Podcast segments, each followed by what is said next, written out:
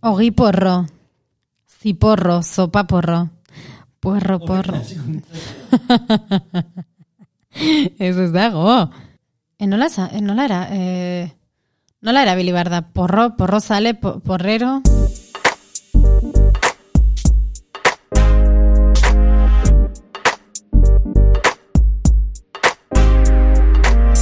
Ba, bai, hortaz hitz egingo dugu lehen paretan, marihuanaz. Marihuana ez da bakarrik porroa. Propietate ugari ditu eta gauza asko egiteko erabilida historian zehar. Sendagai moduan, zein erabilera pertsonalerako. Kalamuaren egoera legalari dagozkion tantoak, Aitor Brion abokatuaren laguntza egingo ditugu, eta landarearen erabilera eta propietatei lotutakoak, oierra izpurua kimikariarekin.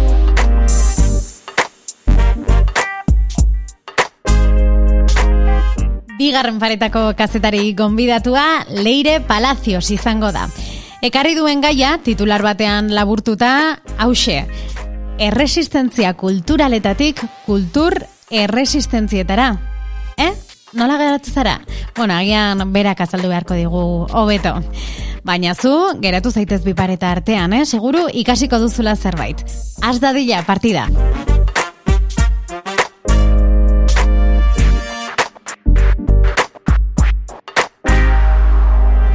Europan eta nazioarteko beste herrialdeetan geroz eta pixu handiagoa duen gaia da segidan landuko duguna.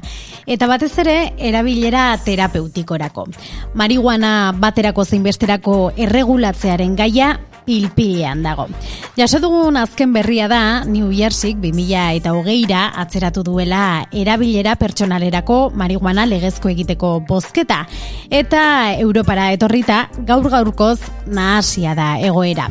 Kide bakoitzak bere egoera propioa duelako. Erbereak izan ditugu erreferente kanabisaren erregulazioari dagokionean, orain Italian omen dago eztabaida edo fokua, eta Frantzian oso zigortuta zegoen erabilera, baina badirudi egoera aldatzen ari dera.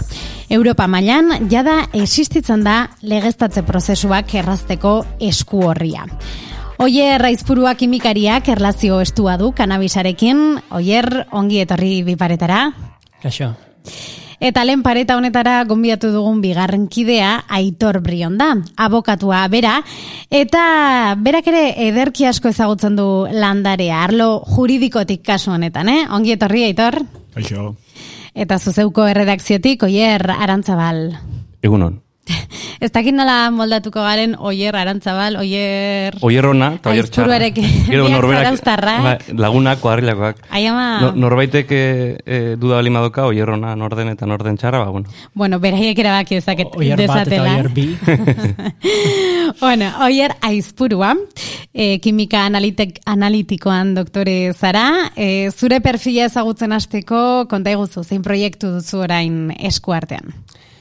Ben orain, e, gabil, bueno, azteko azaldu nahi nuke, agian jendea pentsatzen du kanabisak konposatu garrantzitsu bakar bat daukala, ezagunena da teta, tetrahidrokanabinola THC, bezala den oso ezaguna, baina askoz konposatu gehiago ditu kanabisak. Eun konposatu aktibotik gora izatez, eta aroma aldetik ere beste eun konposatutik gora. Eta THC hori bat, Hori bat da. da. Horietako Hori da bat kolokatzen duena. Bat, hori da eh? kolokatzen Ezagunena. duenetako bat. Bai. Beste batzuk ere kolokatze dute, baina hori da ba, psikoaktibitatearen erantzule nagusia, Mhm. esango genuke. Baina beste konposatu asko daude.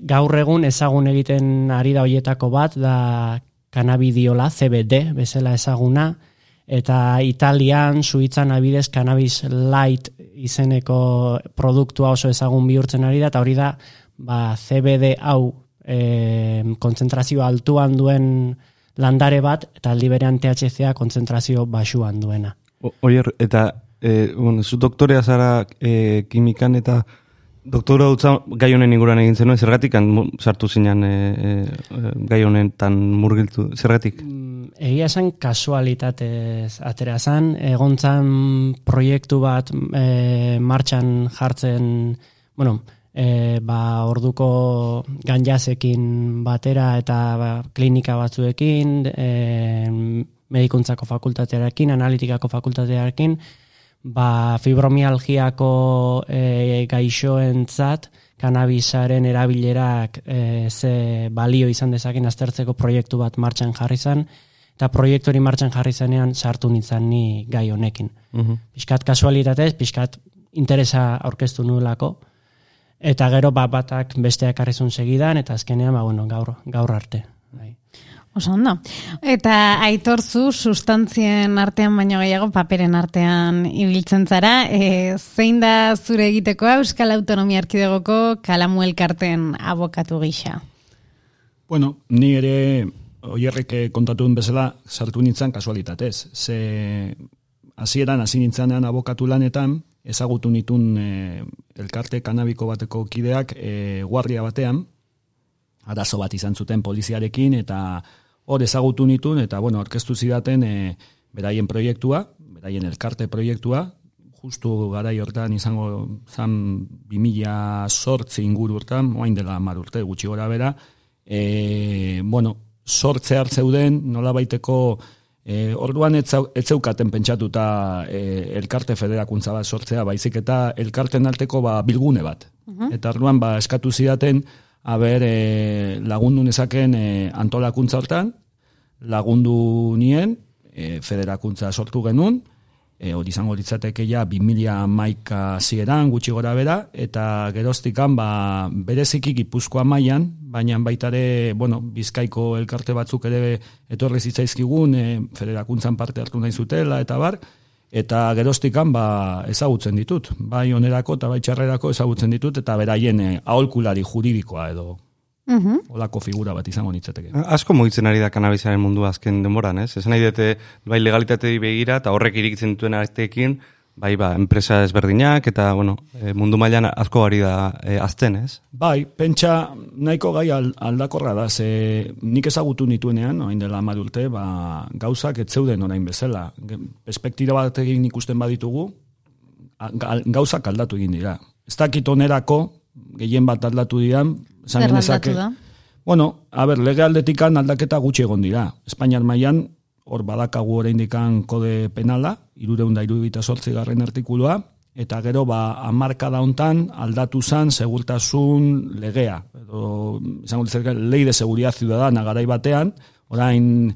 E, Mozal legea bai, bezala legea bezala ezagutzen dana, e, aldatu zan, da marka da hontan izan da ere, esan nahi dut, e, azkenek urteetako aldaketa bat izan da, eta alde horretatik ere e, sustantziaren e, era, e, eramatea, sustantzia bera eramatea kalean, ba, administratiboki ere zigortua dago. Ez dena zigortzen, konsumoa da.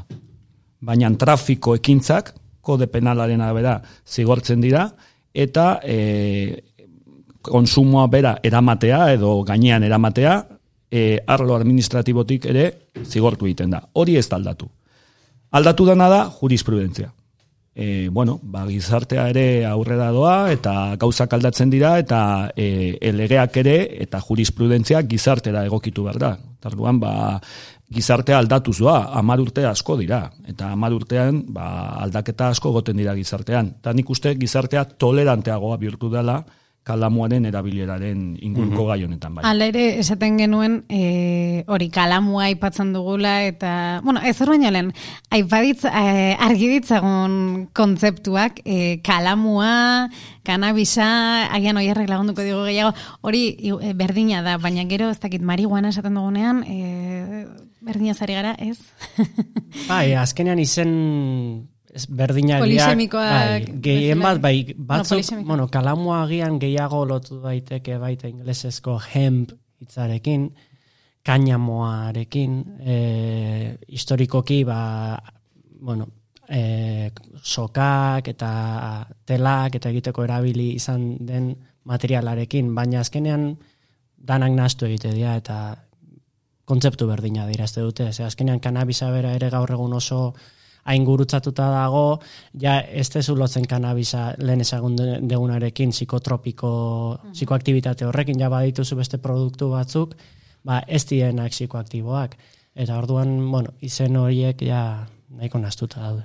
Hain Eh, zuzen, ai, barkatu hier, ez hori aipatu behar nuen, marihuana edo ez dela porro bat, ja, hori hortik aratagoa zela, ez dakite Bai. horrekin relazionatuta zegoen zen. Ez, nik e, interesgarria zait, e, oierrek lan egin du e, hainbat laborategitan Europan, ez, Europa mailan eta eta interesgarria da, ba, hain zuzen marihuana estigmatizatuta dagoen momentu hontan, beti egonda, ez, estigmatizatuta, baina e, ulertzeko e, landare horrek ere badituela amaika mm, erabilera, eta ulertzeko gainera zer erabilera uki dezaken, ba, medikamentu bezala, ze la, medikamentu guztia landaretatik, bueno, guztiak ez, baina asko landaretatik ateratzen dira, eta asko e, beste modura atera erabilita oso e, txarrak izan daitezke, ez?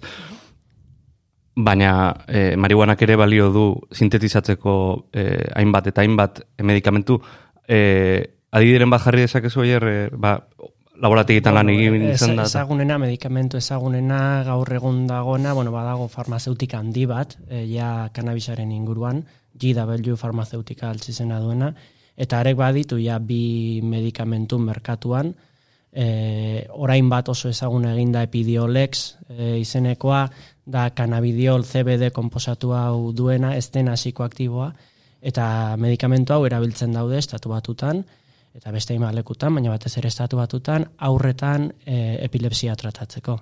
Mm -hmm. Zaila kanabisa pasada, aurretan epilepsia tratatzera. Salto handi badago, lehen aipatu ezun, porrotikan horretara. Orduan, azkenean, bai, porro ere bada, baina espektro zabalago bat da, kanabisa. Eta epilepsiaren kasuan gainera, okrespanago e, iraultza izan da, ez? E, e, tratamendua asko errestudie, hainbat, e, bueno, epilepsia pairatzen duen e, gazteari, ez? Bueno, e, epilepsiaren kasuan, e, gutxienez epilepsia gogorretan, e, zaila izate dute medikamentu zehatz baten mantentzen, eta ibiltzea saltoka medikamentu batetik bestera. E, kasu honetan, bada medikamentu bat, e, efektu sekundario gaztelera esaten da, gutxi dituna, oia bat ere ez dituna, CBDaren kasuan. Orduan, alde horretatikan, bai erantzun oso ona aurkitu duela merkatuan. Mm Eta hemen hori erabiltzen da, edo oraindikan hortan zabiltzate, edo zergatik aipatu duzu estatu batuak eta ez? Aipatu dut, justu dela, delako adibiderik ezagunena, eta merkatu legal eta farmazeutiko batean mugitzen dena. Mm Europa mailan oraindik ez du onarpenik medikamentu honek, eta norbaitek nahi balin badu zerbait e, joan behar du ez merkatu beltzera agian, baina bai produktu batzutara non erregulazio falta handia dagon, eta ez dakizun benetan etiketan jartzen duna egia den, edo metal astunik duen, pestizidarik duen, e, ez dutena regulazio ba, egoki bat pasa medikamentu bezala erabilia izateko. Eta hortarako beraz, e, legeztatze prozesu, bueno, legeztatzea e, beharrezkoa litzateke ez, e, normalizazio horretarako edo mm, erabilera. Bai, gutxienez erregulazio egoki bat, eta legeztatzea ere bai erabilera medizinaletarako beharrezkoa da. Gero erabilera rekreazionelarako ni pertsonalki aldekoa naiz iruditzen zaidelako osasun publiko aldetik arriskua gutxituko lituzkela, baina erabilera medikurako eske nire ustez ez dago eztabaidarekor ja. legeztatu behar da. Mhm. Aitor, egin diezagukezu e, mundu mailan kanabisaren legezko egoeraren argazkia, edo? Eta gero gurera ekarri. Bai, bueno, oroar e, mundu mailan bi eredu, bi eredu leudeke. Azteko, e, oierrek esan duen bezala, e, nola baitere, esparruka erregulatzen den eredua, esan nahi dut. Esparru batzuk erregulazio baten barnean sartzen diran eredu bat legoke mundu mailan hor egongo litzateke, ba, hemen txuleta ekarri dut, eta aipatuko dizkizuet, baina gutxi gora bera, ezagunenak esango ditut, baina estatu batuetan, e, hor badaude estatu batuetako estatu batzuk, non, e, estatu batzuetan e, kalamu terapeutikoa legeztatua dagoen, mm Osa, eh, esan genezake, eh, ba, nola baitere helburu terapeutikorako erabilera. Bai, uh aipatzen ari ginena. Eta bestetik, ba, beste estatu batzutan, rekreazionala edo rekreatiboa eta terapeutikoa biak leudeke erregulatuak. Gero, e, beste... Ze estatu dia horiek? E, bueno, garai batean izan zian Washington eta Colorado, hori izan zian nola baitere punta de lanza dosaten zaiena, eta geroztikan ba, e, zabaldu da. Batzutan hau komplikatua da, ze estatu batu batu ba, sistema nola baitere e, badakizute hauteskundetan, beraik badituzte bi hauteskunden mota, badituzte presidenzialak, baina presidentea bozkatuz aparte, beste gauza asko ere bozkatzen dituzte, hor ikusten da telebistetan eta e, kriston papel eta pila sartu bar dituztela, eta batzutan hor planteatzen dira erreferendum modukoak, ere, ba, e, iniziatia hauek nola baitere legestatzeko. Lehen New Jerseykoa. Bai, New Jerseykoa, gero, e, sandezunean datua konturatu naiz. Hor, ba, gero, gero badaude mid-term elections, Bai. Izate eh, de medio mandato, esaten zaienak, edo eh, bai. Eh, hortan ere, aukera dute, nola baitere, estatu batzuk, olako ekimenak planteatzeko. Eta New Jersey den kasua, New Jersey estatu bezala, e, urrengo hauteskunde horietan planteatuko ditu. Hau da, e, presidenzialak izango dira 2008an, eta estatu batzuek, oraindik ere, hor planteatuko dituzte e, bosketa horiek.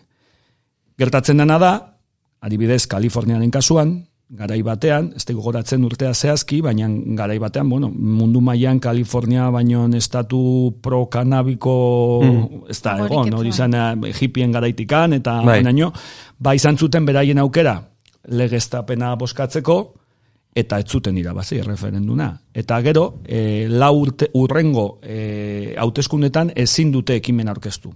Hmm. Beste hauteskunde batzutara, itxoin bar dute. Orduan pixkat komplexua da, baina noroar nik uste e, amabi estatutan, legestatuta dagoela, estatu batutako amabi estatutan, eta e, bostetan e, medizina da. Mm Baina nik uste... Kanadan ere bai, gaina Kanadakoa, Kanadakoa diferentea da. Eta hori bai e, eredu benetan e, aipagarria dela.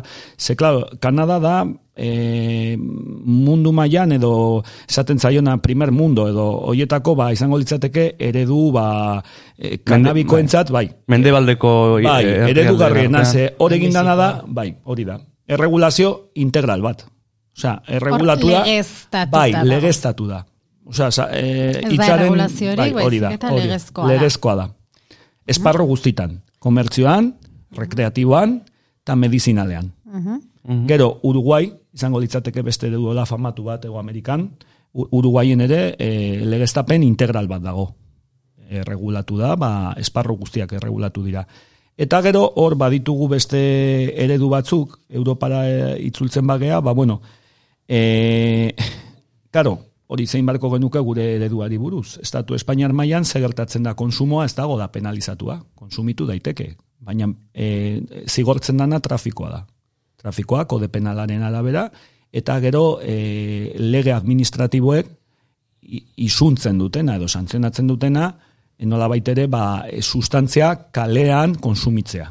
Mm Orduan, ba, hori izango litzateke, e, esaten da, olako esaldi bat gazteleraz, no prohibido, tolerado, pero pero prohibido. O sea, tolerado, toleratua dago, o sea, sozialki onartua mm. dago, baina gero debekatua dago hainbat esparru. Alegia, etxean e, konsumitu dezakezu eta legala da etxean konsumitzea, bai. baina kalean e, ba, ez da ez, ez da, onartzen. Ez da onartzen eta kantitate bateraino jasan dezakezuna da e, isun bat, isun administratibo bat, eta bueno, hori izango litzateke mal menor, zaten mm baina kantitatea ba, garrantzitsua bada eta rapatzen bazaituzte, ba, arazo judizialak izan ditzazkezu, ulertu dezaketelako kantitate horrekin ba, trafikoa egin dezakezula. Bai, eta gauza da, bueno, e, nire nahi zaditu da ontan, eh, ez dut erretzen, ez dut inoiz erre, zer, orduan ez dakate, baina desberdina da marihuana da txina, esan ez? E, Bueno, edo ez, hori erreko betu esplikatuko du, baina... Ba, ba, bai, bueno, landareti datoz biak. Judizialki. Erretxina esan nahi dute. Erretxina da, ba, landarearen ba, mm. parterik onenak elkartuta osatzezun bolatxo bat, esan yeah. nuke, orduan landarean imaginatu komposatu aktibo euneko geian dagoela, ba, txinan euneko berrogeian egon golitzateke, yeah. konzentratuago dago. Bai. Mm -hmm. Baina bestela azkenean landareti dator, orduan. Mm berdina da. Judizialki izango litzatekena da, sustancia que no causa grave daño a la salud. Cannabis y sus derivados. Eta gero, jun balko zinateke, lege maia, e, e, mundu maian dagoen konbentzio da, mila bedatzen da iruro geita bateko konbentzio da, konbentzio unika, de Naciones Unidas, eta hor esaten du, claro, eske hor, hor pixka konfusioa dago. Zelandarea berez, ez da ilegala, ez da sustantzia debekatu bat, landarea, kalamulandarea, guk ezagutzen dugu planta de marihuana. Hori ez, da, ez dago, eh, osea, ez dago fiskalizatua plan, osoki. Fiskalizatzen dana da sumidades floridas o cogollos. Hoiek dira fiskalizatua daudenak. Eta hortikan, derivados. Hori, eraman da, e, gu bizingaren e, estatuaren legetara, beraiek hori e, hartu zuten mila bederatzen da irurogeita zazpiko lei de estupefacientes. Mm -hmm. Geroztikan ez da aldatu. Pentsa, ditugun legeak dira, irurogei garren amarkadako legeak, bai, konbentzioa, mundu mailan bai, e, Estatu Espainiarrean, mila bederatzen da irurogeita zazpiko lege hori. Eta horretan, esaten dena da, ba hori, nola baitere, konbentzioan esan zana, e, isladatu zan, lege frankista edo estatal batean, eta mantendu da, zesaten duten daren arabera, konbentzioa aldatu ez denez, oregon dira saiakera batzuk, hoi herri badaki, baina ez denez aldatu, ba ez dago lege hori aldatzeko ere asmorik. Mm e, oier, nik galera bat zuretzako, ze azken batean e, kimikaria zara, eta or, e, e, doktora duza bide ontatik eraman dezu, eta zure tesia gai honen ingurukoa da, eta e, ba, profesionalki da bidez, e, ateak zabaltzen e, ari zaizkizu ba, e, ikusita mundu mailan e, ba, legezko egiten ari dela, eta merkatu batzuk zabaltzen ari dela, ala ez?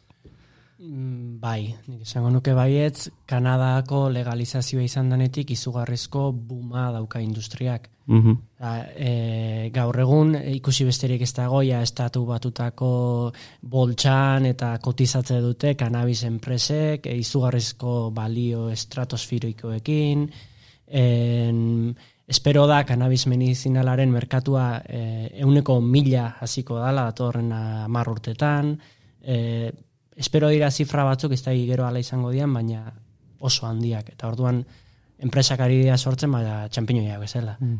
Adira, enpresa pila bat sortzen, eta gehienek teknikoak behar dituzte, bai e, kultibo aldetik, bai laborategi aldetik, eta ez daude. Eta daudenak, kultibo aldetik behintzat, ba, asko penalki zigortuta daude, edo lotuak daude merkatu beltzari. Eta enpresa horiek ez dituzte mm perfil honetako ezin dute, kasu askotan perfil honetako jendea kontratatu. Eta enpresa handi hauek ari dira izugarrizko arazoak ukitzen kultiboak galtzen eta abar, ez da ukatelako talde tekniko egokirik. Mm -hmm. Esan behar nuen, e, legeztatzearen kontrako jarrera, jarrerak edo zer e, argudiatzen du edo zergatik e, ez nahi legeztatu? Berriz ere bueltatuko ginateke eh, psikotropiko edo erabilera porroaren erabilera horretara. Bai, nik gaina arrate esango nuke eh, gai hori badala el, elefantea eh, arroxa, eh? Zene, jende askok ez du ezer esaten horren inguruan. Eh, politikari askok gai hori horri ez diote ez da erreparature egiten, edo nahiagute zikutu, ez da patata e, beroarena, ez? Bai, baina, bueno, esan dugu adibidez bai. Europan ere bai geroz eta gehiago hitz egiten mm. dela, oierrek ere ipatu du, geroz eta e, enpresa gehiagoari dira sortzen, eta bar, eta bar, baina beste aldetik badago jendea e, ez duela legeztatzea, nahi? Uste guztiz soziala dala, mm. droga guztiekin bezera, alkola onartua dago, eta alkolaren arriskuak kanabisarenak baino handiagoa dira. Bai, nik hori...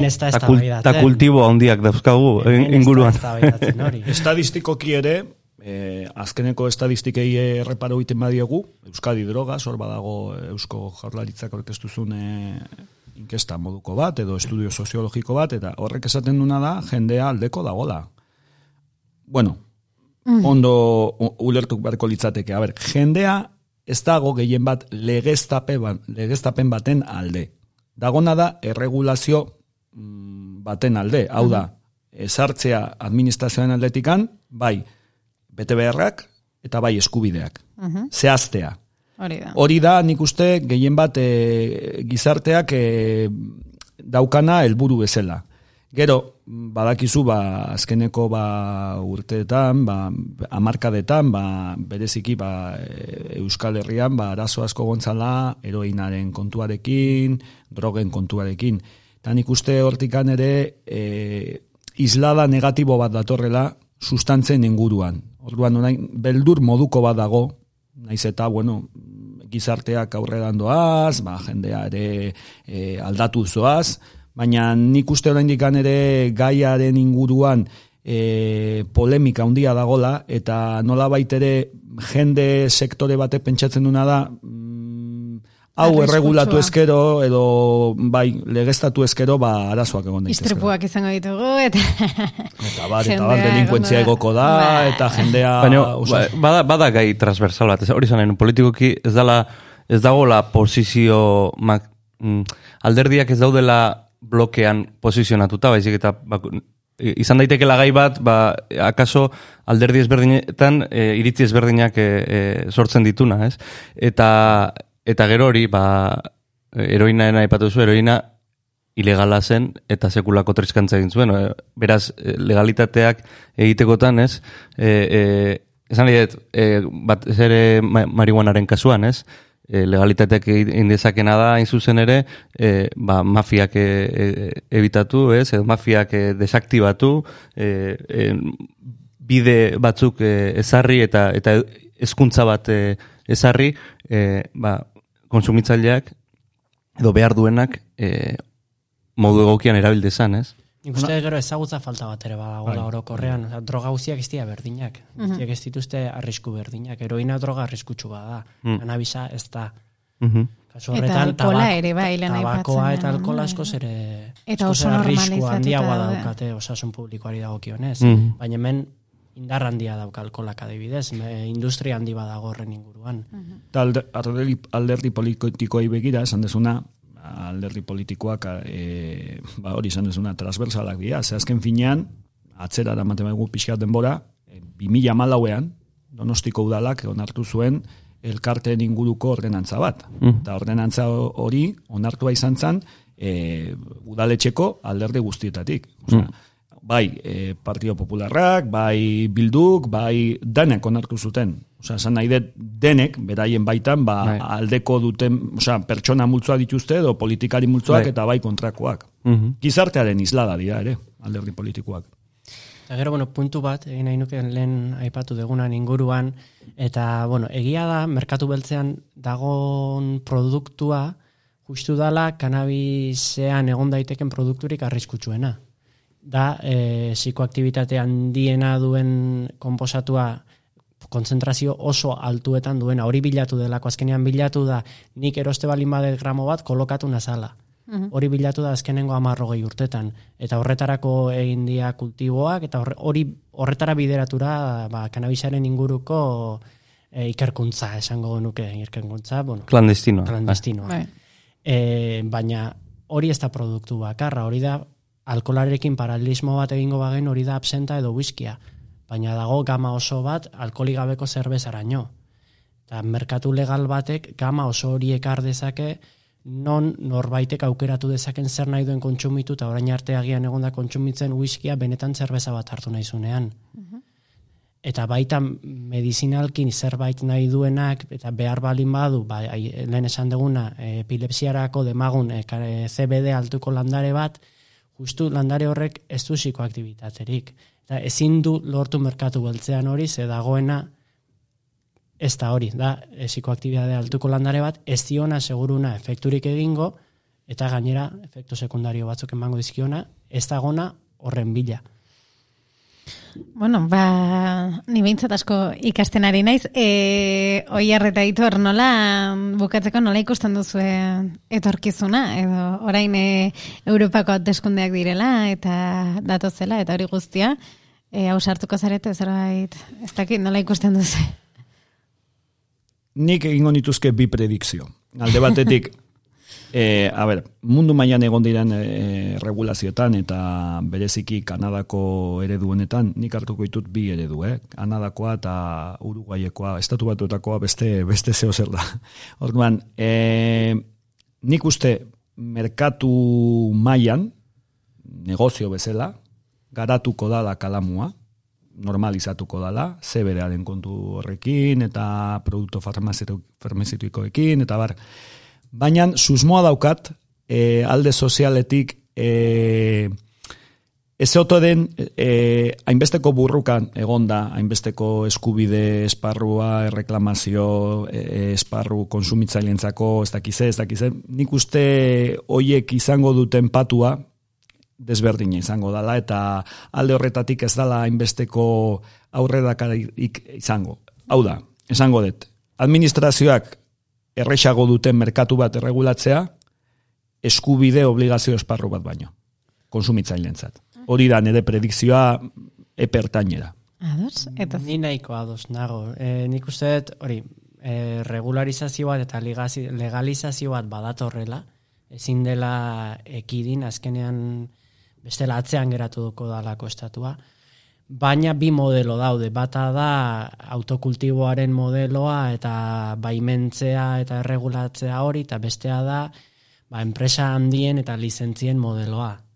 Eta momentuz emate du bueno, bigarren modelo honetara jotzen dagola estatua. Izatez ja lizentzia batzuk banatu dira eta bueno, nola eta nori eta zer modutara banatu diren ikusita, ba enenk esango nuke etorriko da legalizazio bat, regularizazio bat, baina izango da industria handien eta farmazeutiken negoziorako eta ez dakit hor ze leku izan dezaken edo hartuko duen ba, autokultiboak, e, asoziazioek, hori Azken finean, bizigaren sistema ekonomikoaren islada da, kapitalismo batean bizigea, ba, normalean, kapitalismoak irabazten du, azkenean. Bueno, ba, horretziko dugu, ederki jota pareta, aitor eta oier, aitor brion eta oier aizpurua, oier arantzol, zurire eskerrik asko, eta hori beste bat arte, mila mila esker, ondo segi? Zuei. Zuei. Aio.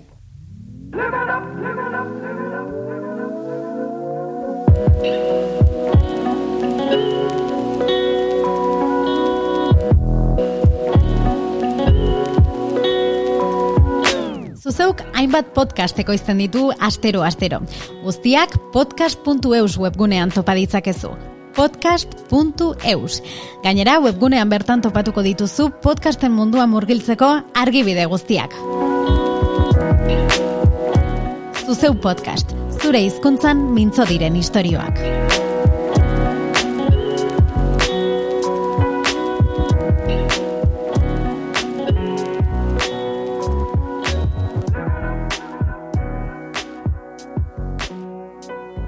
Bigarren paretari jotzeko txanda, gorputzari begiratuko diogu arain, gorputz batek txikitatik jasotzen duenari, kulturalki ikasten dugunari, eta ondorioz gerora praktikan jartzen dituen ekintzei. Batzuetan kosta egiten zaigu gure konfortzonatik irtetea, baina gero aberasgarria izan daiteke, ezta? Eta horretara bultzatuko gaitu Leire Palacios kazetariak, kazetari gonbidatuak, Bera puntu eus fundazioko kultur kudeatzailea eta sarean saioko gidaria da gaur egon, baina beste hainbat eta bidetan ere irakurriko zenuten seguro bere izena. Leire, ongi etorri? Kaixo, eskerrik asko. E, esku artean ala ere proiektu bat, baino gehiago izaten duzun horietako zarazu, ez? Bai. bai, hola da. Ontxo bertan, hortaz aparte, irakurri eran, irratxaioarekin gaude, idazleen elkartearekin batera, ama bostean behin, idazle bat onbidatzen dugu, eta gero hortaz aparte, senyorak, zeintza, zeintza gunea martxan jarri genuen, e, aurreko hilabetean, da erantzuna ba, desente positiboa izaten ari da, eta, bueno, gai honekin ere lotura badauka. Eta hemen bi senyora eta bi senyor. E, oierra dantza baltzuk hemen jarraitzen duzu, eta bainat jatxon barek, zuzeuko erredakziotik, etorri zara, bigarren paretan honetara, gaitu zara. Kaixo, egun ondo noi. Egunon. Bueno, eh, esan dugu eh, aurretik aipatu dugu, eh, gai ez dakit nola esan azaltzeko akaso zaila da, leirezuk azalduko diguzu hobeto, titular batean eh, esaten zen egun, eh, kultur erresistentziatik erresistentzia kulturalitara. Negi jo gustatu zait, mikroa itxaluta zegoenan esan duena, ni bizitza ekarri dutona. Eh? Bai, bizitza ekarri bai. dutona. Bai, proposamena egin zen idatenean, e, bueno, ba, banengoen gai hauen bueltan apurtxo bat, e, ba, izan dabe ueun egin behar dugulako ikastaroa ekainak e, hogei eta hogeita batean, e, feminismotik kulturkudeak eta ardatz izango duen ikastaroa izango da, haintzan euzan izagak eta eta izea barzeniak, e, bueno, ba, bideratu duten eta egin duten e, ikastaroa izango da, eta gonbidatuen artean izango naiz, anela bakarekin batera, eta bueno, beste, beste batekin batera. Eta azkenean eskatu digutena da gure esperientzia mai gainean jartzea, ez, kulturkudeaketan. Eta horren bueltan, ibili naiz apurtxo bat, eta konturatu naiz esperientzia hori kontatu alizateko, lehen da bizi agian ulertu behar nuelan ere gorputzak toki batzuetan zelan funtzionatzen duen edo zelan funtzionarazi duten. Nola nere tokian jarri izan nahi, nahi oza, nola nere tokian jarri nauten momentu batzuetan, eta zelan sentitu dudan nere gorputza bere tokian jartzen zutela, ez? E, claro, hau ez da gauza bat zerotik hasten dana.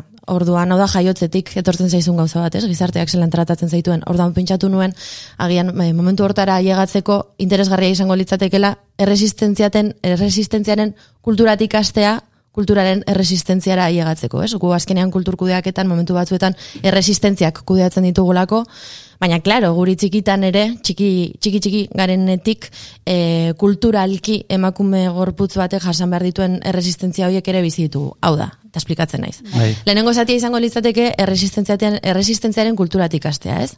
Eta hau jaiotzetik dator, eta jaiotzetik em, ikasten ditugu ertzak, ertzak zeintzuk diren. Lehen gure amak ikasi zituen. Em, erditzera doazenean, emakumeak, emakumearen erditzeko modu naturalena izango litzateke eserita, ez, e, zuloan kartean daukala, eta ordan indarra egin behar duenean, e, gravitatearen inertziarekin, ba, erortzen da, umea, Eroro, eroriko litzateke umea. Claro, normalean kontrakzioak izaten dituztenean eta, ba, uteroa kontraitu egiten danean, bebai, umetokia kontraitzen danean, e, zein izan daiteken, zein izan daiteke eroso egoteko modua. Ez, ba, batetik agian txabela hartzea, dala mina ematen dizun hori, ez, edo gorputzak ematen dizun min hori, eta beste esku batean zure burua ebatzea, ez? Osea, zure burua mai, mai batean jartzea. Claro, etzan da baldin mazaude, ezin mugimendu hori egin. Orduan, etzan da egotean norentzako da erosoa. Medikuntzako, oain dela urte gutxi arte bereziki gizona izan dana, ez? Hori da, hori da. Hor, hor lehenengoa, ja, jaiotzen garen momentutik, trauma amarentzat, eta, eta umearentzat. Gainera, em, Karo, zu, esertzen zaren momentuan, zure hankartera begiratzen dozunean, ikusten dozu, ze pasatzen ari da, gitxi gora bera, ez? Bururen bat baldin badator, zerbait gertatzen baldin bada, zerbait erortzen baldin zaizu. Etzan da baldin zaude, zure hankartea beste baten menpe dago, une oro, ez dakizu ze pasatzen ari da horrin, inertziaz ezin dozu zure buruarekin jokatu. Gero, ni, ni eh, hortan aditu bat bihurtu naiz eh, azken eh, denbora. Tokatu zaizunagatik, bai, ez? Ez, badakit, eh, egia da hori, ez? Hori dena egia da. Gero egia da ere bai, eh, ba, adibidez epiduralarekin, ez? Epidurala sartu zanean, ere, Bai.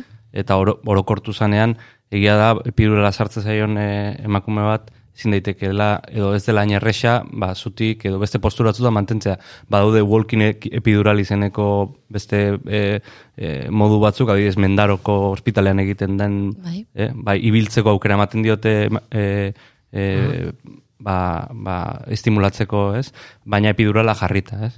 Eta, Hori izan bai. daiteke ondorio bat, baina azkenean da medikalizazioaren ondorio bat. Bai, bai. Osea, ez nago esaten jendeak anestesia barik erditu behar duenik, eh? Ah, bai, bai, baina bai. anestesiarekin erditzea ez da modu naturala ere. Mm. Da, medikalizazioaren Erresistentzia bat da. ondorio bat, erresistentzia bat da. Hor, e, zu, zure gorputzak naturalki egingo luken gauza baten kontra dijua. Agian zure onerako dana, Ni- ni- Nire kasuan adidez, anestesia erregutu zuena eh, nire bikotea izan zen. Ez nahi bai, dut, eh, noski, binduta gongo zan. Bai, esan nahi dut, eh, bai, bai, du diga, eh, doife, ez? Baina, baina, esan nahi dut, ba, osea, nik erosten dut eh, puntu baten, beste baten ez dut erosten. Osea, erosten dut puntu baten dala, eh, eh, egia dala, eh, ba, inertzia batzuk eta, eta, eta erabaki batzuk hartu diala eh, pentsatuz, eh, akaso eh, mm, mediku maskulinoan, eta, eta hortik sortu diela gaur egungo hainbat eta hainbat molde, Baina beste alde batetik ere, ba, aurrerapenak lortu duela, e, aurrera, zenbat aurrerapenek lortu dutela, emakumeak ez sufritzea horren beste, edo ez,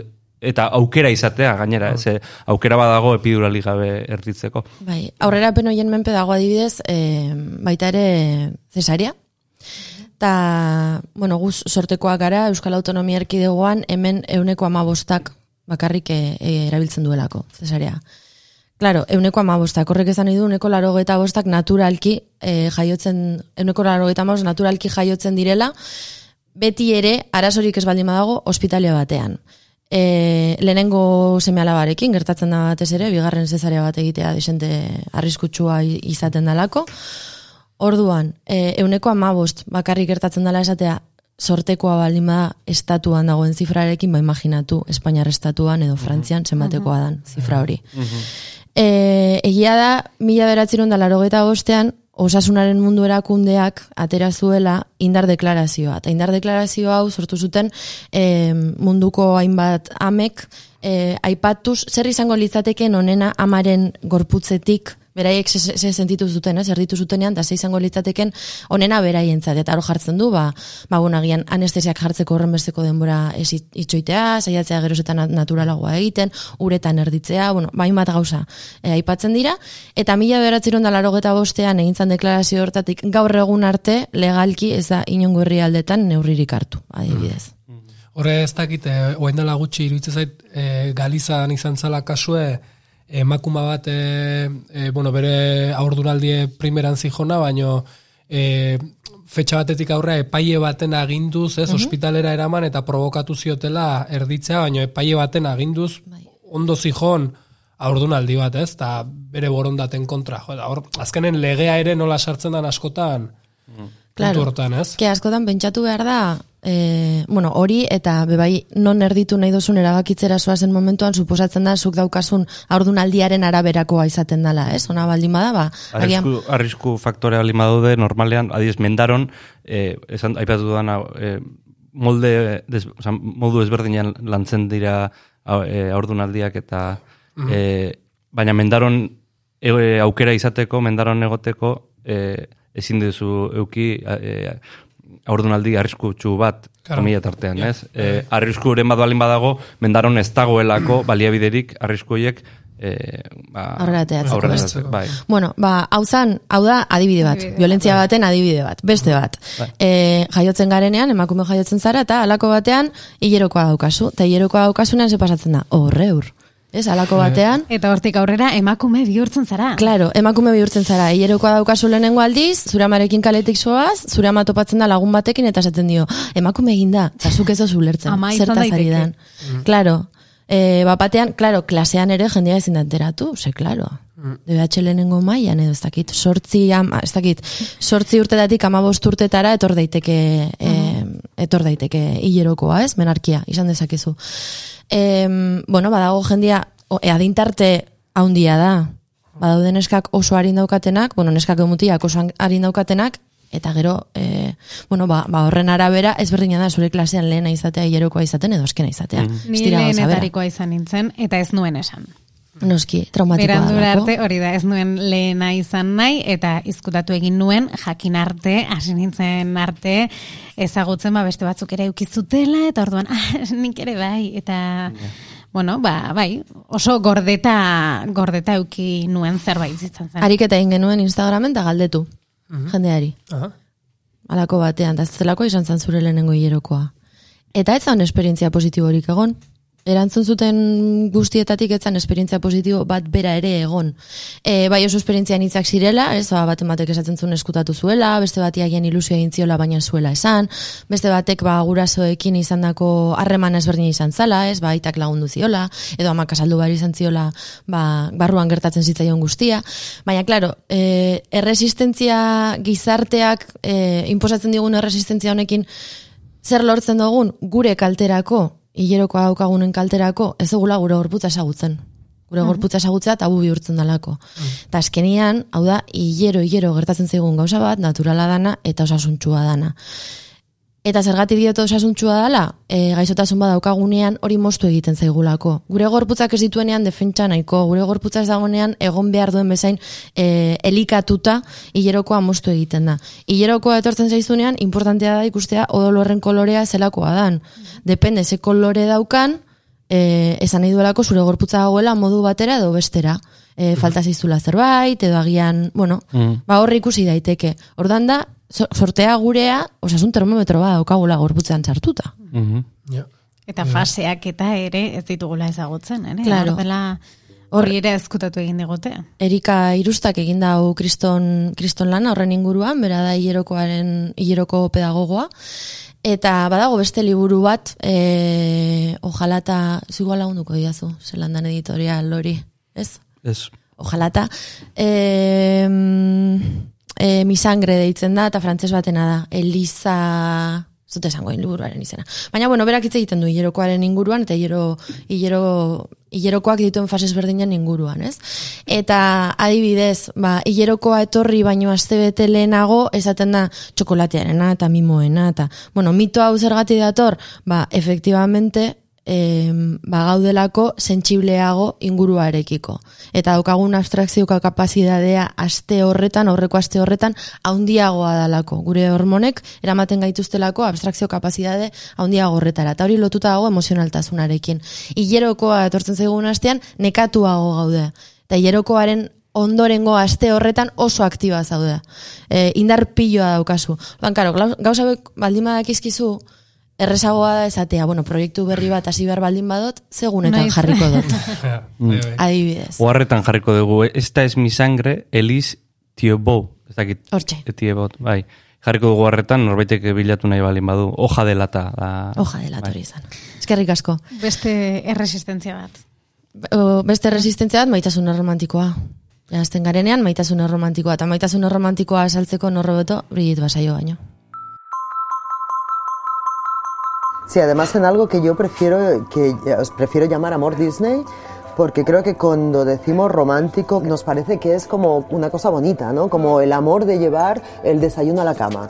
Entonces estamos como todas diciendo el amor romántico mata y al mismo tiempo pensando, pues somos idiotas, ¿no? Si que te lleven el desayuno a la cama es muy bonito.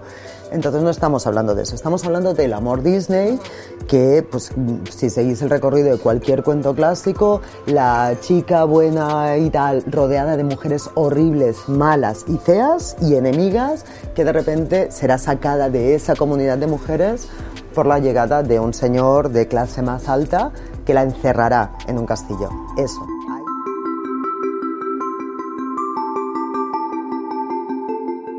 Brigitte Basaiok bideo honetan azaltzen ditu, bueno, ba, maitasun erromantikoaren inguruan e, dauden e, mito eta eta sinesmen piloa, ez? Berak lotzen du e, Disney maitasunarekin.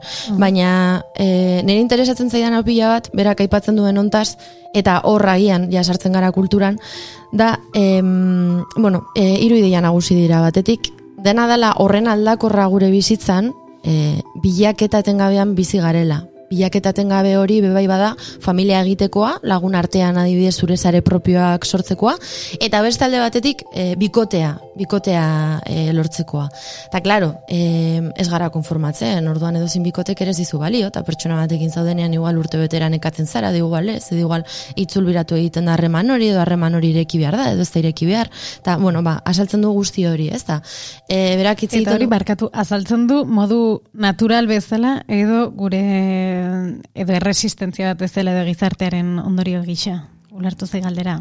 Bai, baina iruditzen zaitu berdina. Osea, gizarteak erresistentziak izan behar ditu naturaltasunez jokatzeko. Osea, azkenean, gerran egotea, osea, ten, ten, bi aldetan tentsioa egotea ematen dio oreka gure gizarteari. Uh -huh. bestela danok jungo ginateke alde batera, Ja, eta horiko litzateke balantza. Ordan, berak e, ulertzen du kapitalismoak eramaten gaituela hortara. Eta ordan polimaitasuna ez dala bakarrik zure bikotearekin gertatzen dana, baizik eta zu ere lagunekin edo adiskideekin daukazun harremana, ez? Esate baterako. Adiskide badaukazu edo pertsona badaukazu pila bat maite dozuna, zure lagun inguruan, eta pertsona hori maite dozu agian gainontzekoak baino gehiago. Orduan hori da zure harreman matriza, adiskideen artean, da besteekin egiten dituzu beste hainbat gauza.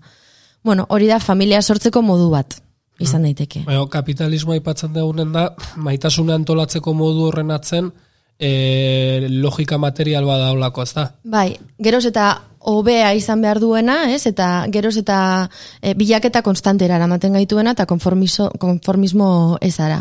Eta ordan berak e, estrapolatzen du nolabait kapitalismo hori maitasun harremanetara, afektibidadera, eta estrapolatu egiten du bebai egunerokotasunera, gure lanera. Ban, gure lanean ere funtzionatzen dugu dinamika hoietan.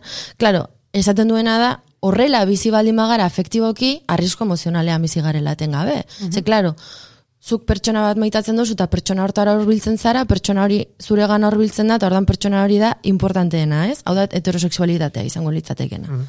Claro, zuk pertsona hori jartzen ari zara beste pertsona guztien gainetik, baina beste pertsona horrek ikusten duenean, eta berak horre egiten du e, green grass metafora, e, e, ibaiaren beste aldean belarra berdeagoa dala. Bardan beste pertsona horrek agian alde ingo du beste belar dira. Eta beste belardian zetopatuko du, ba, zurekin zukan kaka berdina, ez? Zaskinean harremanak, ba, pues badakigu zelakoak diren. Bueno, ba, ba hortaz hitz egiten du. E- Hetero, Bai. eh, Heterosexualitatea eh, bikote bakarra eta bikote horren zentralidadea bezala ulertuta, eh? Osea, izan daiteke binesken artean ere uki dezakete harreman, bueno, heterosexualitik, heteros, sistema heterosexuali, heterosexualetik gertu dagoen eh, harremana. Da, zu eta bikotea bat izatea bai. eta hori izatea zure, zure Vale. matriz importanteena munduan. Mhm. Hortik dator. E, orduan berak aipatzen du hori, ez? Lotzen ditu kapitalismoa, sareak eta gure prekarietatea. Prekariak, prekarioak garela emozionalki, baina prekarioak ere bagarelako gure bizitzan. Osa, prekaritate konstantean bizi garelako. Eta hori lotu daiteke kulturaren prekarizazioarekin. Azkenean, sistema afektiboan bizi duguna, gure sistema efektiboan ere bizi dugulako. E, eta hor, lausotu egiten da muga nola baitez. E, ja, sartzen gara apur bat, bueno, aipatu nahi nuen beste, beste ideia bat, erresistentzia honen Bota. ostean, Hau Bai. da, aurrera. gorputz desiatua eta gorputz desiragarriaren artekoa. E, ze hau da, bueno, ba, jaio zara, hilerokoa izan dozu, e, sistema afektibo guzti hauetan sartu zara, eta ja konturatu zara, bueno, ba, ba, zure gorputza desiratua dela, baina zure gorputza ere, e, zuk ere desiratu dezakezula. Eta hori beste resistentzia bada, e, emakume hoi, edo, en bai, emakume gorputza daukagula sentitzen dugun hoi, Ez zaigulako hainbeste baimentzen sistema honetan guk ere desiatzea. Eta hori artean ikusi izan dugu. E, pile jarbi da horren adibide, esate baterako. Pile jarbi zantzalako, holtza gainean igozan e, lehenengo sortzaileetakoa, emakumezkoa, em, etzala bakarrik audientzia berak desiratzen zuela. Baizik eta be- bera, berak ere audientzia desiratzen zuen. Mick Jaggerrena. Ez, osea, Mick Jaggerri usten zaio, baina, adibidez, beste batzuei ez zaio usten. Eta askok pentsatu dezakete, jo, ba, Madonna, eta, ez, sexualitatearekin lotura izan dutelako. Ja, baina Madonna, Madonnaren irudia nolabait, momentu jakin batean egin izan zen gustatzeko. Ta- Salgai egon zen. bai. Bai. Baina, bueno, ba, hori, gorputz desiatua eta desiragarriaren artekoa. Ta hor, ja, bai, prekarietatera goaz, berriz ere, Zenba jardin ikuste ditudan, eh? Osea, jardin asko ikuste ditut, eta bildurre mati sartzea jardinetan. Da, eh, Bai. Bai. Eta ia da, hor gaudela denak hor, kontzentratu da, eh. aurpegiarekin eta Bai. Bueno, ba, bai, bai, gustora, eh? ondo. laburtzen baldin badugu, laburtzen baldin badugu, eh, kulturan, eh, jaso dugun kulturan erresistentziak emakume gorputza izateagatik, izan daitezke, ba, jaiotzen garen unetik adibezelan jaiotzen garen, emakume gorputz horrek ze, ze sufritzen duen, eh, hilerokoa etortzen zaigunean zelako arazoak, o zelako beldurra ematen digun hilerokoa etorri zaigula esatea, eta gero ja, momentu jakin batean, gu desiratuak garenean, eta desiratzen dugunean bizi ditugun talko horiek bebai, eta hor, horrek zelan eragiten digun harremanak sortzeko. Eta harremanak sortzen ditugunean, harreman horietan ere sortzen diren talkak. Konbentzitzen gaituzten, ez gaituzten konbentzitzen, eta sistema kapitalistak harremantzeko moduan ere daukan eragin. Ne, ne galdera da, Madonna produktu bat bezala sortu zuten, ala produktu bat bihurtzen da e, edo zer edo gizarteak egiten du produktu edo zer. Ez hor dago beste, ja, niretzat jardin badago, ze, ze Madonna mm, e, saldu egin bazan, e, nor da inor esateko bera ez dela saltzen, ez? Esan nahi dut e, izaro, e, e, e, da, gustatu egiten zait e, edo ez, e, eta pertsona batzuk gustatzen zaie, ala ez, eta izaro ere produktu bat bihurtu da, e, gizarteak, Beste eskala baten, bai. Ba, gi- gizarteak bihurtzen duelako produktu bat, esan nahi dut, e, ez e, nago adoz horrekin. E, osa, ulertzen dut esaten dozuna, baina ez, ez nago adoz horrekin. Pentsatzen dut, batzutan, bueno, batzutan ez oso maiz, e, moldetik ateratzen dan hori, bueno, guk etiketaje konstantean bizi garela, ez? Ta moldetik ateratzen dan hori espulsatzeko joera daukagula. Eta agian sistema da ondo ez dagoena, me explico. E, agian ez da bera produktu bilakatu dutenik, baizik eta begi batzuendako bera produktu bat dala. Baina berari galdetu beharko litzaioke bera zelan sentitzen Bueno, da dut- batean. ez- esaten dut eh, transversala dala hori, esan nahi dut, eh, eh, hortik ies egitea oso zaila dala. Ez dut esaten, eh, eh, eh, osea, emakumeaz gaindi, eh, esan nahi Bai, dut. bai, bai. Esan nahi dut, eh, ba, eh, gizarteak exitoa daukana, edo, edo jende askori gustatzen zaiona, eh, automatikoki produktu bihurtzen du. Zer, deitzen dizute festival batetik. Festival horrek eh, dirua nahi du. Festival horrek behar zaituzu, jendea eramateko festivalera. Dut, automatikoki, e, musikan kasuan hori, eh? baina Bai. bihur, izan daiteke beste kasuren batean. Esan e, gizarteak daka, edo kapitalismoa dauka habilidadea edo zer produktu bihurtzeko. Beitu, hor zabaltzen duzu beste, beste arrakala bat, bat. Eta bai. zabaltzen duzu arrakala horretan, en musika esan dozula, hor, e, beitu, hor lotura, e, lotura dauka kulturaren prekarizazioarekin. Eta zergatik adibidez e, emakumezko gitxiago dauzen, musika karteletan, eta eta jardin guzti horretan. Eta horrek bide ematen dit adibidez esateko. E, kulturaren erresistentziara sartzen baldin magara, eta bigarren kapitulua irekiko dut. E, kulturan lan egiten, kult, kultur langileetan, emakumezkoak adibidez, lanpostu jakin batzuetan lan egiten dute gehien bat. Komunikazioa eta marketingarekin lan, e, lotura daukaten postuetan. Emakume bat oholtzara igotzen danean, ekosistema guztia sari naiz, eh? Emakumea holtzan dago, komunikazio gabinete bat behar du, e, festival baten barruan, ez? Bai. Behar da holtza bete, behar da komunikazio gabinete bat, behar da programatu. E, gehienak egongo dira komunikazioan, emakumezkoak, festivalaren zuzendaritzan ez horren beste, eta kartela betetzerakoan askotan agian tratatuak izango dira modu horretara. Mm. Claro, inertziak dira. Ba, ba, ba, Hori ez dago, ez dago kalitatearekin lotuta, inertziak dira. Eta zergatik dira inertziak, ba, gauz askoren artean, emakumea e, mundu publikoan edo esfera publikoan dagoen bakoitzean, gorputz hori publikoki jartzen da bakoitzean, e, erresistentziak, erresistentziak kudeatu behar dituelako, eta esplikatzen naiz. E, eremu publikoa gizonarena da, eta eremu pribatua emakumezkoa da, suposatzen da. Hor, oain, del, oain dela gutxi lagun batekin hitz egiten, e, e, onginan hitz egiten, mutila da bera, eta onginan hitz egiten guk ze, ze egin dezakegun, ez? E, nola, nola, ak, nola parte hartu hori aldatzeko, ez? Eta atezte egun e, e, kontuetakoa da uko egitea egoteari. Bai, pausu bat atzera matea, tokia ustea. Nik, e, imaginatu ez, ba, deitzu bai zituzte kontzertu li, e, zerrenda batetik, eta ikusten dudanak gizonezko dira, eta bueno, nire noa, ze topatu dezakezue beste norbait, e, hori e, hor parte hartzeko. Ez Bai, naite, eta hor ez dakit, igual esaten nahi zinenakin, nahi pentsatu, e, etorri zaitena da baita askotan, e, bertsolari batzuk esan izan duena eta e, gizonak igotze ziren bezala holtzara, bakoitze be, bea edo individu, individualtasunetik, emakume bertsolari ere izan dela urte askotan, gutxiago zienen, emakume, Emakume bertz, bertsolarien danak barruan, ordezkatzen zitula, ez? Zaukela beste karga bat, eta ez dakit, igual batzutan musikakin ere bai, ez hor beste resistentzia bat ere ondaikela. Baina hori gertatu egiten da, eta pentsatzen dut, eh, emakume guztioi edo gehienei gertatu izan zaigula, ez? Esfera, ez dakit ez, esan daiteke, me, esfera publikoan gaudenak, edo ez dakit deitzen gaituztenak, noizean ben gauzetaz hitz egiteko. Ba, e, gertatu izan zaigula, noizbait zuk badakizu momentu batutan kuota zaren edo ez. Eta badakizu norbait ordezkatzen nahi zarela edo mai batean zaudela emakumea zarelako. Horrekin ere, karga hori ere eraman behar da. Baina eseskoa esaten duzun momentuan, adibidez, hori ez bazaizu gustatzen da, eseskoa esaten duzun momentuan badakizu emakumeok ez egula ordezkaritzarik izango. Ordan ere militantzia puntu bat ere badauka.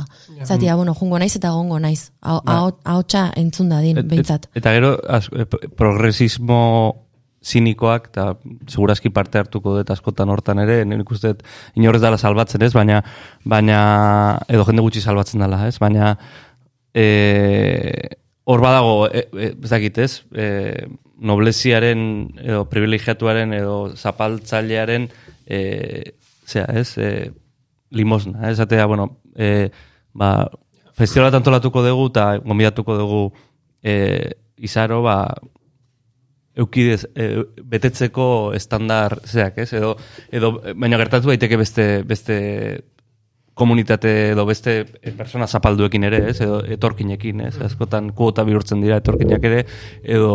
Hoi, kam, kampainan fijatzen bazea guain, e, autagai gehien anatzen, lentxigo geroxigo Bai. beti hau moreno bat, Bai. bat, edo beti, beti, Bai. eh, enkuadre barrun. Bai. Oso Bai, azkenean, eh, bat, eh? Ez, esan nahi dut barkatu, eh? Eta, eta, e, eta euskaldun, euskararekin berdin, ez? E, kuota bihurtzen da Esa, euskara. Laura askotan. Garrido, Kotxado, Ipepeko, horai damet behar pagatzen da. Normaltasunetik ateratzen dan edo zer. Eta zer da da. normala? Ba, normala da berrogeta mar urteko gizon bat, Bai. e, maia erdikoa.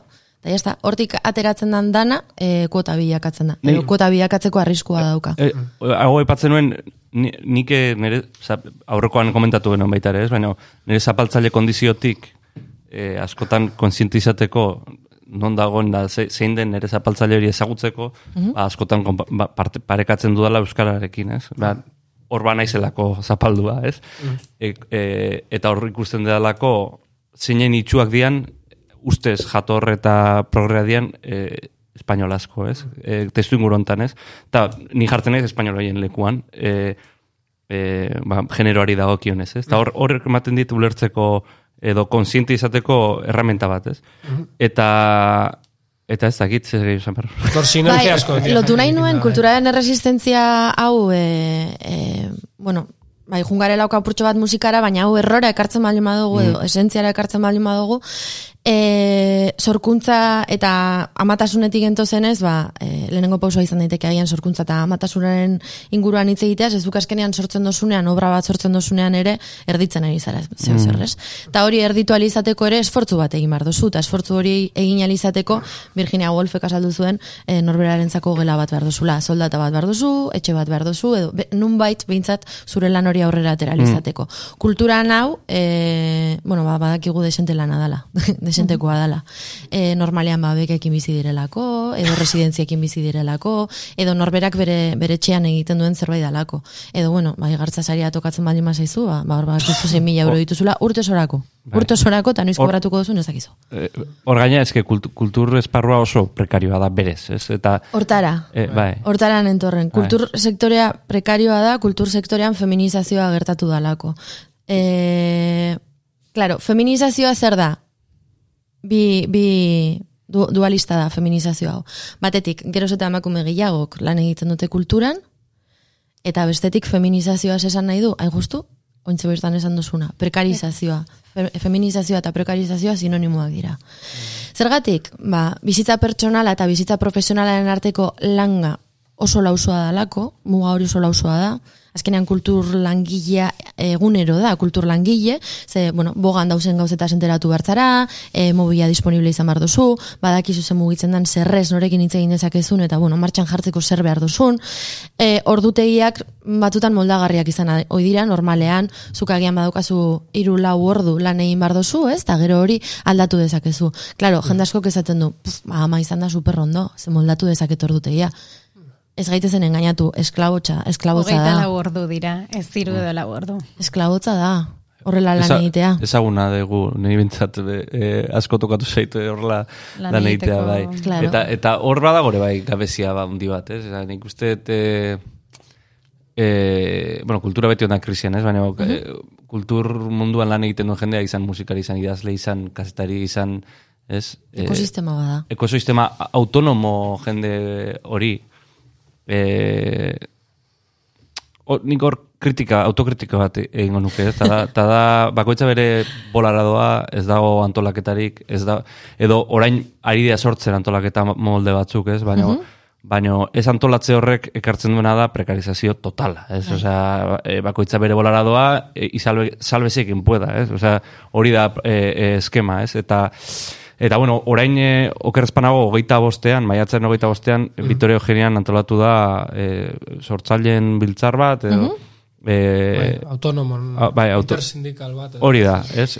Eta... Hau badakigu adibidez, e, bueno, eta feminizazioarekin amaitzen Bai. dut, e, edozin momentutan, bueno, badak, badakizu edozin momentutan dei zaitzatela eta papeleta salbatu behar dozula edo zuloren bat gertatu daitekela edozin momentutan, Eta gure lana egiteko zaintza sareak sortzen ditugu azkenean, ez? Ba, zuk esan duzu, e, hogeta lau orduz lanean ari baldin mazara, momenturen batean, norbaiten laguntza bar baldin baduzu lagunei deitzen diezu, zuzenean. Eta lagunak enmarronatzen dituzu. Guraso. kulturak Andoni el Pescatero asko ditu. Bai, A- era bat. Andoni arrain zentzailez beteta dago. Eta zu momentu batean deitzen zaituzte ba, telebista programa batetik edo ezin tokitik eta ezagutzen duzu hau ez dakit zinen laguna zinen ez pasatuko ia ez dakit zinen telefonoa eta hori gure eguneroko gia da. Ne- Neri gertatu zait, dugu. neri gertatu zait periodiko batek, eta ez dut zango ze periodikok, eskatzea zutabe bat, e, esanaz, e, publikatzeko e, gogorik etzaila falta, Bai? baina e, bat dirurik ez daukatela. ja. Eskatzea. Ja, gratis Eh, lan egiteko, ez? bai, claro. eskatzea. Eta hori- Zure lagun arotzari eskatuko zenio kesukaldea gratis jartzeko. Hori, hori, Hoxe, bai. hoxe, Bai, bai, bai. kulturan. E, prekarizazioa eta kontu legalena. E, badakizue, seguru asko entzun dozuela, e, artistaren estatutuan lanean ari direla, Espainian, eta klaro, honek e, gu, sistema horren menpe gaudenez, ba, eragiten digu baita ere, be, lortzen dituzten egoera hauek, ba, ba Euskal Herriko langileen, bueno, Euskal Autonomia Erkidegoko langilei ere eraginko digulako, eta Nafarroakoei. Klaro, e, hemen kontua da, kultur langileak e, e, artistaren estatutu honetan, bueno, basartzen dira aktoreak, abeslariak, tata, baina kultur langileak eta kasetariak zein teknikako hainbat profesional ez daude. Artistaren estatutu honek ere ez du hartzen ekosistema bezala, ez? Aha. Artistena. Teknikoa edo ez. Claro, Hartzen, holtza gainean dauden Mm. hori da. Horiek Ta, bakarrik. Holtza gainean egoteko norbaitek programatu behar du, hor kultur kudeatzailearen e, figuraren falta hori, eta gero beste alde batetik kasetariren batek kontatu beharko du hori gertatzen ari dela. Be- Beitu beste, gozazen gauzak hitz egitea pixkat, ez? Bai. Ja berotzera ezin naiz eh, gaiakin. Ez. Oin ja ulertzen duzu zertaz ari Eh, gara. baina, ez, oso interesgarria da, a- adibidez, kultur esparruan oso interesgarria da adibidez, teknikarien eh, edo, edo eh, soinu eh, enpresen eh, balitzak zeinen eh, duina dian, edo ez, baina, desde luego, holtza gainean daudenak, baina askoz ere duinagoak ez. Eta evento berdinaz ari gara hitz egiten. Lortzen? Zea elektriziztataz, edo Ba, doinuta, eh, soinu, soinu, soinu eh, argi, eh, eh, hor badago ja, estandar bat, eta oso eh, batzuk finkatuta, hor. bueno, ez dakit hitzarmena dian, ez dira hitzarmenak izango, baina bai, eh, bueno, arotzarena, esan nahi dute, eh, soinua ekarriko duen profesional bat ekartzea, ba, badakigu ordaindu behar dela. Musikari bat, ba, eta dituko diogu, eta esango diogu etortzeko, ez? Eh, hori alde batetikan. Egile eskubideak esate baterako. Eske hor, hor gauza asko sartzen dira. E, kontu legalak, e, kontu legaletaz hitz egiten dugunean sorkuntzan, e, langileak direnean denomina izan daitezke autonomoak, edo faltsu autonomoak, eta gero ordukako kontratuak. Ordukako kontratuak kulturan eduki ditugunok, zenbat sartu ditugu kontratuan jartzen zituen orduak. Bai, Gero gainera, ez dira, ez dira pagatzen ordu ekstrak, eta, baina txarrena ez da ordu ekstrak ez direla pagatzen. E, txarrena da, bueno, hori bebai txarra da, ez, baina txarrena da, zuk aksidente bat baldin badaukazu, ordu hoietan lanean ari zara, baina ez daukazu zelan demostratu lanean ari zarela. Ja. Adibidez, zure ongizatea kolokan dagoelako. Eta hori bada, feminizazioa, kultur sektorearen feminizazioa, prekarizazioa gauza bera direlako, zan dugu. Em, gobernuari, pentsatzen dut, ez zaiola sobera interesatzen guztia regularizatzea, ze azkenean e, kulturak egiten dizuna da kritikarako gaitasunare handiagoa izatea. Eta kritikoa dan gizartea, ez zaio gobernuari sobera komeni. Eta gero, e, e, politikarien alde- aldetik dagoela itxu itxukeri kezkagarri bat, esan nahi dute e, kultura neurtzen dela, e, saltzen dan kaina kopuruan, eta eta orduan ba, hor, dago oinarrizko arazo handi bat, ez? Esan nahi dute, mm, ez da baloratzen kultur e, gileen lana, ez da baloratzen e, zer ekarpen egiten duen horrek gizarte bati, ez ekarpen egiten dion, ez? E, ekarpena beti da ostalaria, ostalaritzan edo e, turismoan neurtzen dana. Eta horren adibide da, ba, gure kostaldeko e- herri askotan e, e, udan antolatzen dian gauza gehienak antolatzen dira e, alik eta turista gehien e, pozik jartzeko, eta ez, ez e, e, gure kultur e, sare horrei e, lana emateko, Bai, bai. ez? Ba, imaginatu, aipatu ditugun gauza, gauza guzti hauek, zenbat pintzela eman ditugun, gorputzetik hasita kultur egoera zelan dagoen. Imaginatu zer dan emakume izatea eta kulturgintzan lan egitea. Zelako lana dan bakarrik mantentzea. Bai, Hor, za- zapaldu bi aldiz, ez? Bi aldiz zapaldu. Edo izan, lehen- euskalduna Euskal- baldin bazara ja, Euskal- no, Oiartzuk aipatu duzuna. hiruko itza. Bitu, hor, interesgarrien in- oso interesgarri eta admiratzen dut e, e, e, feminismoan nola ari dan e, oza, fe, feminismoan nola ari dan konsiente izaten baita ere euskal, eus, euskararen kontuaz, ez? E, hainbat referente ditut nik jarretzitu danak, ez? Baina, baina oso presente ikusten dut, eta euskal e, feminismoa oso, oza, beste borroka batzuekin ere e, oso konektatuta, eta hori oso importantea da. Oza, Feminismoa transversala da. Bai, eta hori oso importantea da, esan nahi dut, oso importantea da e, transversala izatea eta konsiente izatea beste, e, beste borrokez, ez? Eta Hori da, danak eta gure resistentziez, Ja. Bai. zuzen ere. Hori da. Eta gabezi ez, eta konsiente izatea e, no, norbera daukala zapaltzaile bat bere barruan, e, eta hori aplakatu behar dela, ez? Esan nahi dut, e, norberak ikusi behar duz nun dagoen bere zapaltzailea, ez? Eta nola, nola borrokatu, ez? Hori, Zuk lehen aipatu duzu markarena adibidez, eta ez dakit marka kontua dan, baina bai, ez dala berdina, em, zutabe egileetan esate baterako, gorputz bat izatea edo beste. Zuk ja izen edo argazki bat ikusten dozunean, bueno, tratua ez dalako berdina. Ilaski Serranok eh, elkarrezketan, eh, bueno, barruan gauden egin genio elkarrezketan, esaten zuen, eh, eh, ETB nabarmena dala, Bai? nork aukeratzen dituen eh, aurkezleak, eta zergatik, ez? Bai, hor- Gizon bat dagoela, gizon bat dagoela hor, eh, ba, irizpide guztiz eh, matxistekin eh, Bai, hor gomendagarri guztiz, kaukorik urak aterazon abesti bat, ez dakita ikusen duen, e, Barbie ETB-en eta non dago ken.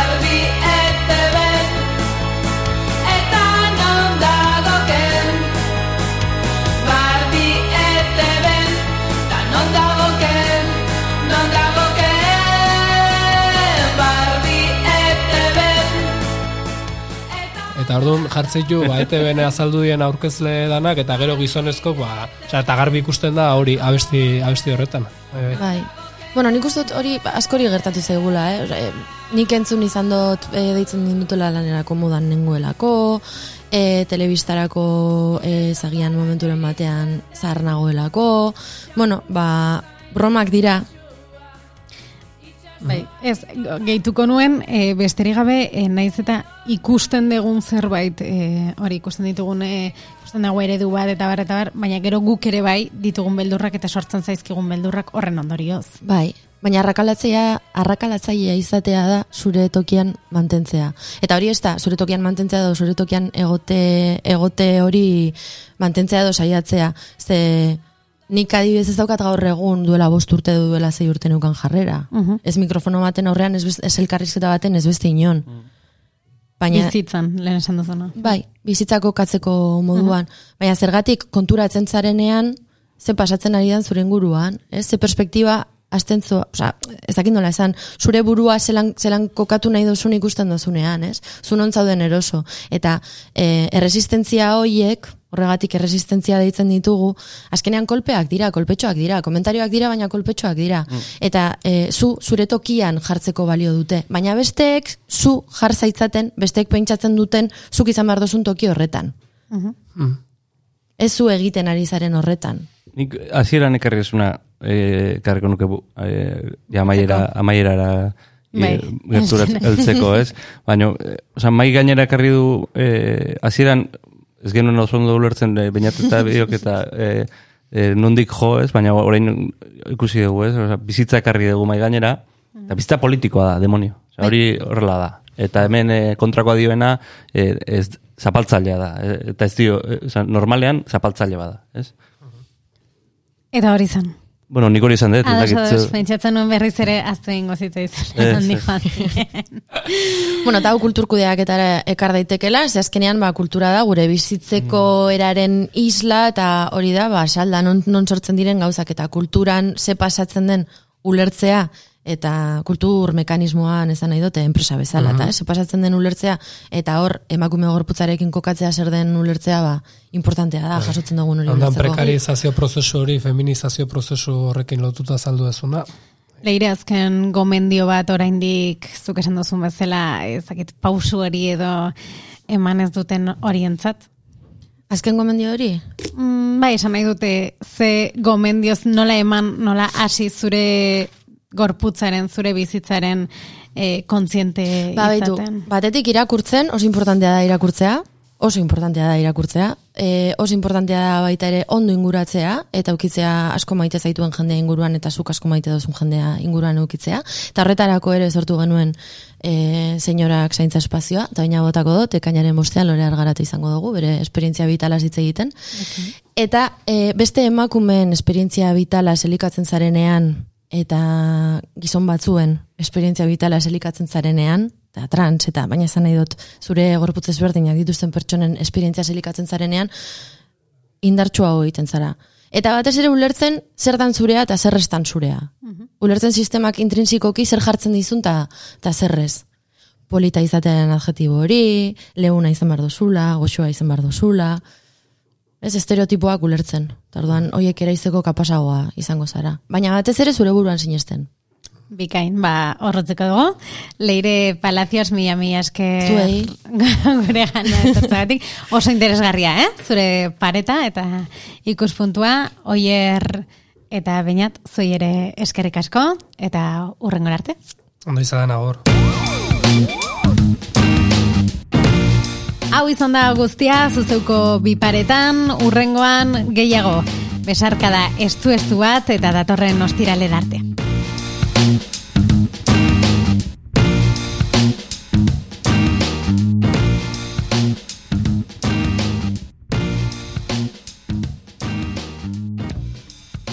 Edozein plataformatan entzun dezakezu zuzeu podcast. Spotify, Apple Podcasten, Google Podcasten, eta plataformaren batean espalima gaude, idatzi podcast abildua zuzeu.eus elbidera. Hori da podcast abildua zuzeu.eus. Eta segidan igoko dugu plataforma horretara ere gure edukia. Eskerrik asko eta hurrengora arte.